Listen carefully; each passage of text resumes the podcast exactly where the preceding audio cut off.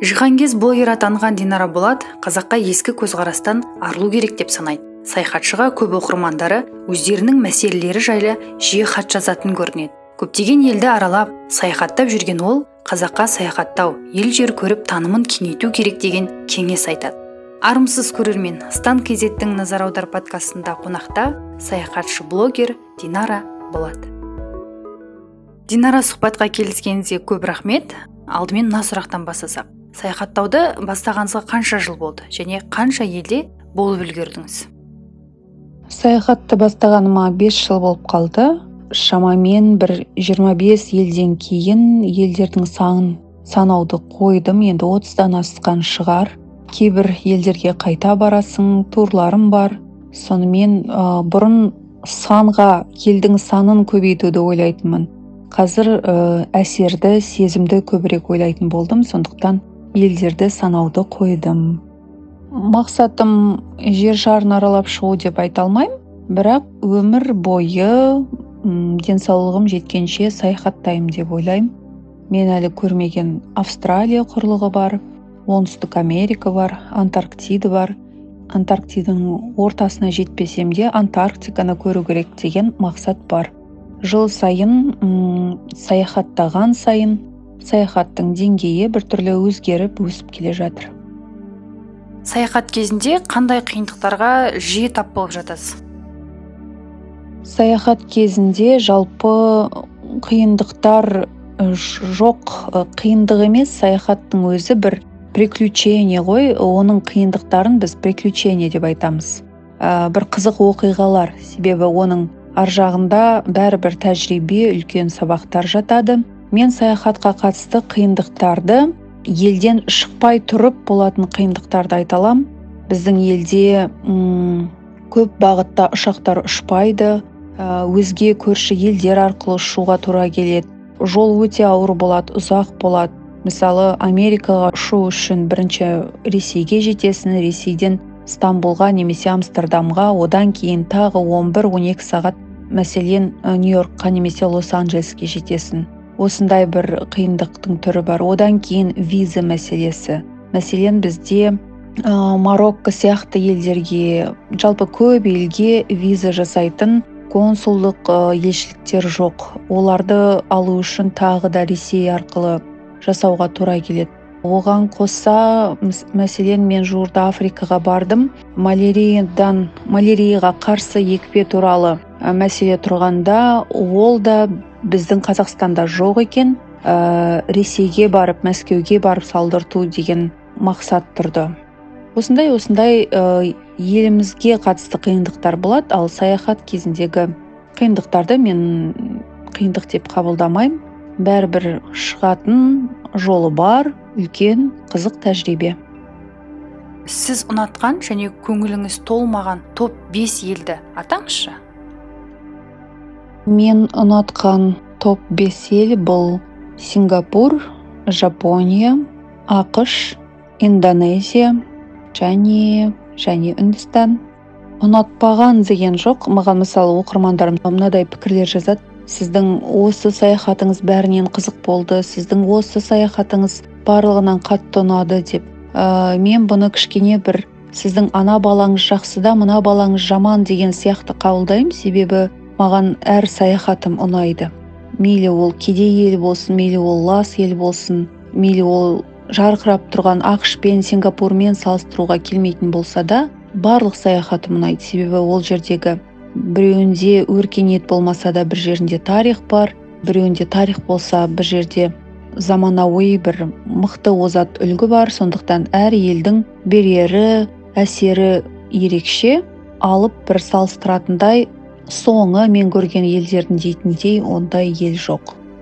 Көп саяхаттаса демек ақшасы көп деген стереотип бар. Ыңғайсыздау болса да мына сұрақты қойғым келіп отыр. Саяхаттауға қанша қаражат жұмсайсыз? Көп саяхаттаса демек ақшасы көп дегенмен мен келіспеймін. Әрине саяхатқа ақша керек бірақ ә, менің байқауымша ә, көп қазақ дәл сол мен жұмсап жатқан ақшаны басқа бір дүниелерге басқа бір құндылықтарға оңай жұмсап жатыр. Мәселен мәселен бір жүз мыңға кофта әлде өзбекстанға барып келу ә, мәселен ә, дубайда демалу немесе норвегияға барып жорыққа шығу деген сияқты әртүрлі адамның түсінігіне байланысты ақша жұмсалады және саяхатқа ақша көп керек деген қате түсінік деп ойлаймын. Ол қазақтың ә, шығыны көп қой. Бос шығыны өзі үшін емес өзге үшін өмір дегендей. Сондықтан саяхатқа қатысты осылай. Біздің ерлер әйелін шетелге жібермек тұрмақ күнге кетсе іздеп қалады. Отағасы көп саяхаттайтыныңызға ренжімей ме? Бұл тұрғысында бізде ешқандай проблема жоқ. Отағасы оң қарайды менің саяхаттағаныма қуанады. Бізде тек қана менің саяхаттағаным емес отбасылық саяхаттар бар жылына бір екі рет болатын міндетті түрде балаларға шетелді көрсетеміз. Саяхаттың жалпы ә, біздің отбасында екі бағытта әңгіме айтылады. Қоғам саясат және саяхат. Сондықтан біздің шай ішіп отырып балалармен араласып отырып бір жаққа бара жатқанда ылғи еске алып ә, күліп ә, қуана айтылатын тақырып бұл саяхат. Сондықтан ә, ешқандай бұл жағында кедергі жоқ. Енді иә қазақстанда ондай проблема бар.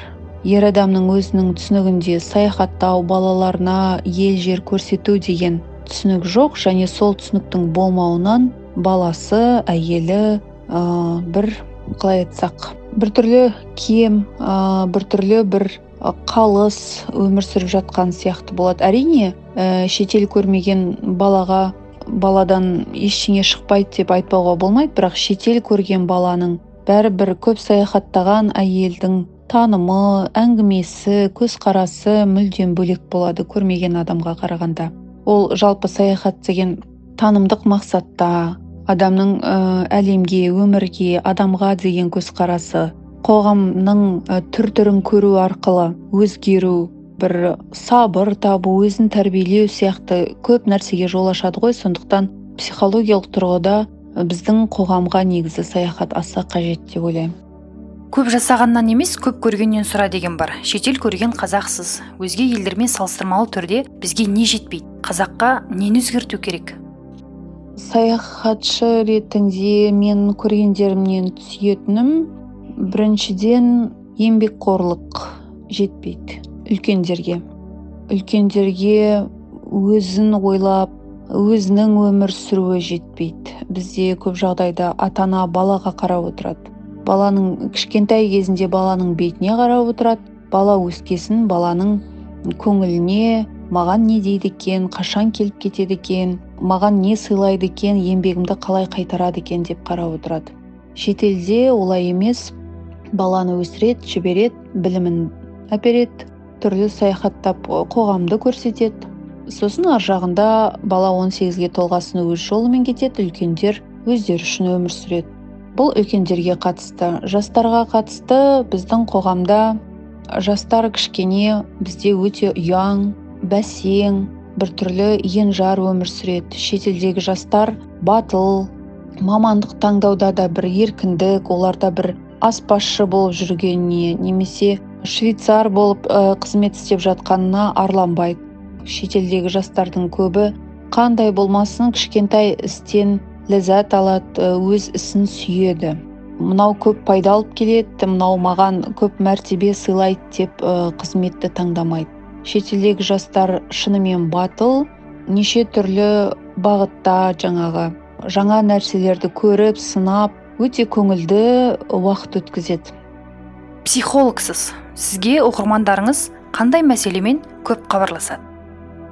Көбіне оқырмандар жастар ата анамен түсініспеушілік үйден кеткім келеді ата анаммен қарым қатынас құра алмаймын анамды құшақтай алмаймын әкеммен тіл табыса алмаймын.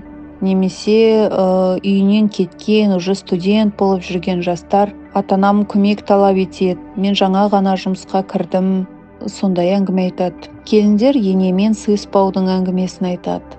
Отбасы болып кеткендер жолдасымен түсініспеушілікті айтады. Осындай мәселелер. Біздің ә, қазіргі заманда қоғамның келбеті сол. Отбасы мәселелері дұрыс. Шешілмей ә, сол бізде ғылым емес әлі отбасы тұрмыс тіршілік тауқыметінен аса алмай тұрған проблемалар. Енді ол мәселелер шешілу үшін біз қоғам ретінде ел ретінде ілгері жүруіміз үшін бұл мәселелер шешілу керек. Ал ол шешілу үшін бізде құндылықтар дұрыс құндылықтар насихатталып кішкене бір ескі түсініктерден арылып әр адам өз үшін өмір сүретіндей өз өмірін жақсы көретіндей сондай бір принцип насихатталу керек. Динара жиі байқаймын инстаграм парақшаңызда. Көбінесе қыздар әйелдер қауымының мәселесін көп қозғайсыз. Айтыңызшы қазақ әйелінің басты проблемасы не? Менің иә кітабымның аты өмірге шексіз ғашық. Өзін жақсы көруге сол жаңа біздің қоғамға жетпейтін біздің қоғамда өте өзекті болып табылатын сол мәселелер айтылған. Менің жеке басымның ә, мысалы ретінде барлығы қарапайым тілмен түсіндірілген әр қазақ баласында кездесетін проблемалар менде де кездесті әр отбасында кездесетін проблемалар менде де кездесті. Дегенмен соның барлығын реттеп өмірге жаңағы өмірден бас кешпей керісінше ғашық бола түсу саяхаттау сапалы өмірге ұмтылу адамзатты тану өзіңнің өміріңді сүюдің яғни өзіңе риза болып өмір сүрудің жолдары көрсетілген. Бұл кітапта айтып тұрмын ғой әр қазақтың басында кездесетін жағдайлар жазылған және олардың шешілуінің тура жолы көрсетілмесе де ымдап енді ой салған. Сондықтан оқу керек деп ойлаймын. Бізде қыздарды кішкентайынан сен болашақ жарсың келінсің деп өзін құрбан етуге тәрбиелейді. Бұл қаншалықты орынды? Қазақ әйелінің басты проблемасы шарттылықтармен өмір сүру. Жақсы перзент жақсы ана жақсы келін жақсы әйел деген түсінікке сай боламын деп шаршау ең негізгі проблема. Өзін жақсы көрмеу сыйламау.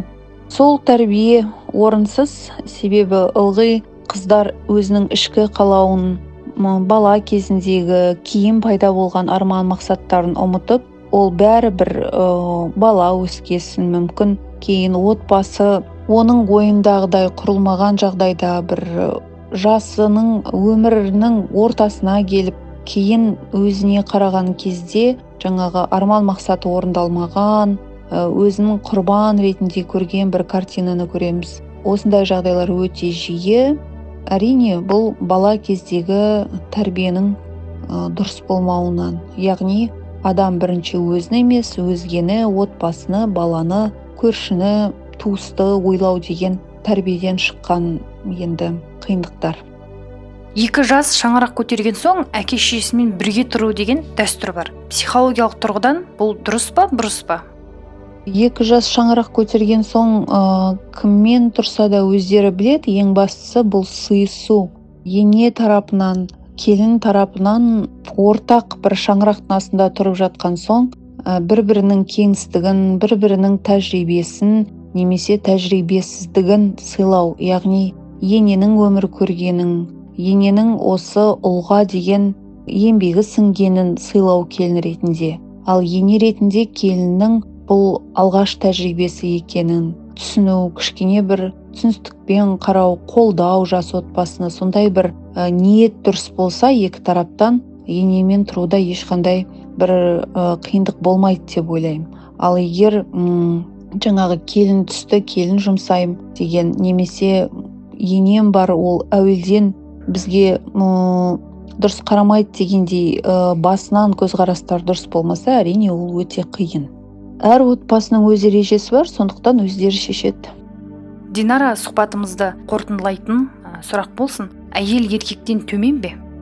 Әйел еркектен төмен де емес биік те емес. Адам болып жаратылған соң екеуі де екеуінің жалпы қоғамдағы болсын дәрежелері бір. Бірақ әйел болмысының ер адамнан ер адамның әйел болмысынан артықшылықтары кемшіліктері болады динара сұхбатқа уақыт бөлгеніңізге үлкен рахмет. Бүгін стан кезеттің назар аудар подкастында қонақта болған саяхатшы блогер динара болат. Назарларыңыз тек маңызды ақпаратта болсын. Келесі аптада кездескенше сау болыңыздар.